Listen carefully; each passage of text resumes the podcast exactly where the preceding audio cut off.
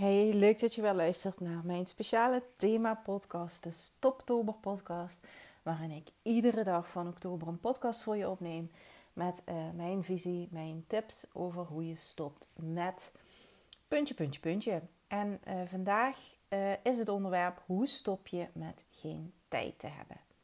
En dat is een hele moeilijke voor heel veel mensen.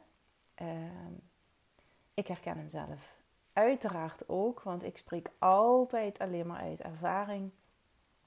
Uh, en ik, dit is iets wat ik ook echt, echt, echt heb moeten leren. En uh, waar ik af en toe nog wel eens in een valkuil stap. Uh, maar inmiddels wel weet hoe ik mezelf daaruit kan halen. Ehm, het is algemeen, een algemeen iets, denk ik, dat we allemaal een tekort aan tijd ervaren. Tenminste, bijna allemaal. Heel veel mensen uh, hebben het gevoel dat er te weinig uren in een dag zitten. Uh, dat we nergens tijd voor hebben, dat we nergens aan toe komen.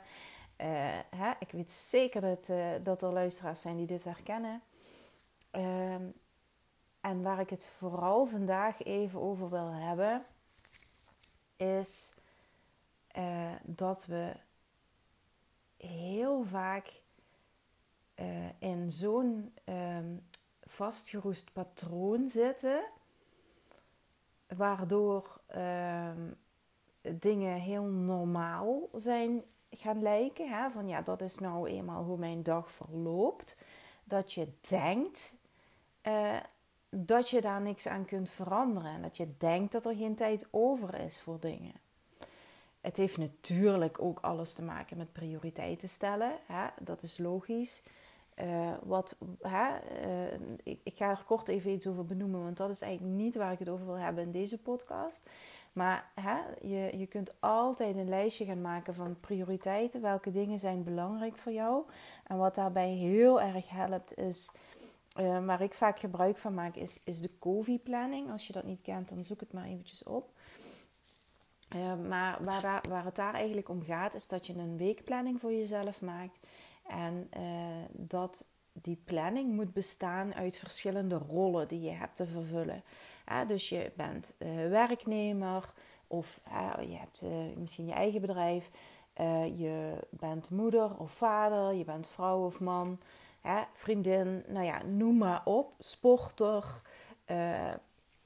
ja, noem maar op creatieveling. Nou ja, je hebt allerlei rollen te vervullen in je leven.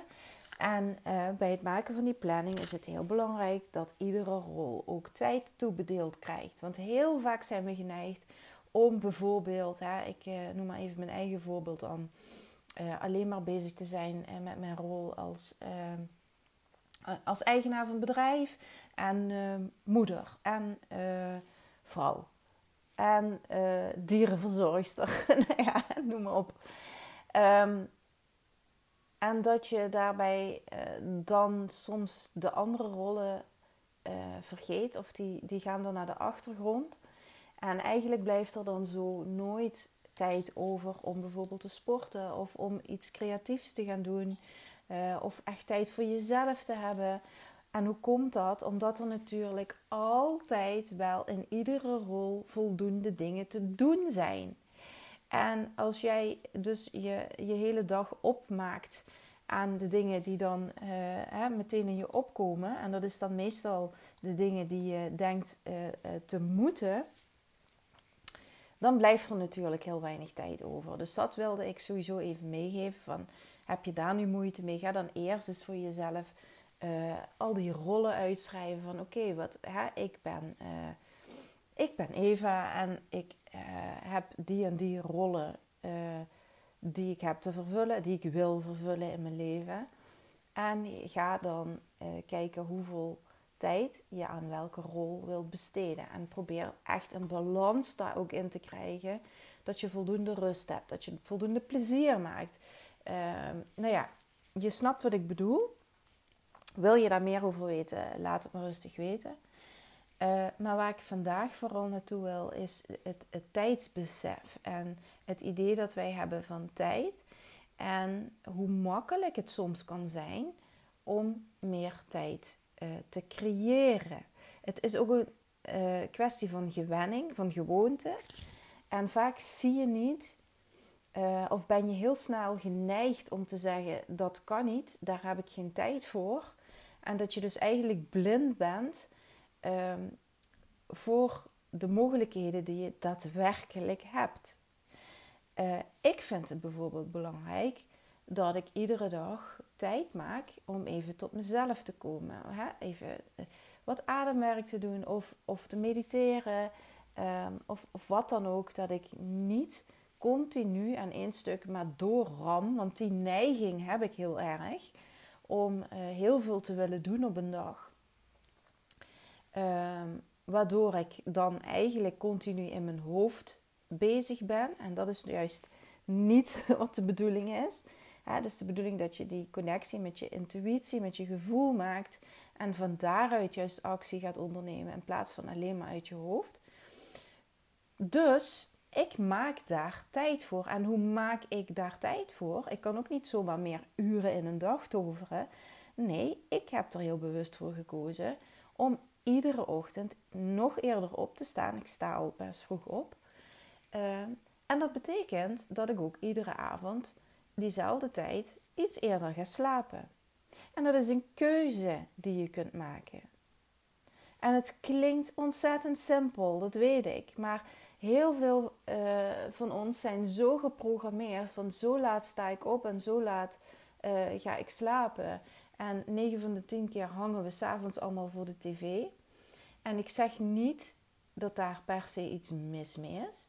Ja, ik vind het ook wel eens heerlijk om gewoon even verstand op nul en uh, even een, een serie of wat dan ook te kijken. Maar je hoeft dat natuurlijk niet iedere avond te doen. Ik maak er ook bewust tijd voor om ervoor te kiezen. Oké, ik kijk vanavond geen televisie. Ik ga in een boek lezen. Of ik ga even uh, iets luisteren van een of andere cursus. Of hè, maakt niet uit. En wat heel erg helpt, is dat je, uh, zoals ik in het begin noemde, die soort planning voor jezelf helder hebt. Dat je ook weet van oké, wat zou ik eigenlijk allemaal willen doen. Dus het kan ook zijn dat je in plaats van uh, s'avonds voor de tv zit, dat je besluit om, om uh, een uurtje te gaan sporten. Maar je moet het wel inplannen. En je moet het wel helder hebben voor jezelf. Van oké, waar voel ik me goed bij?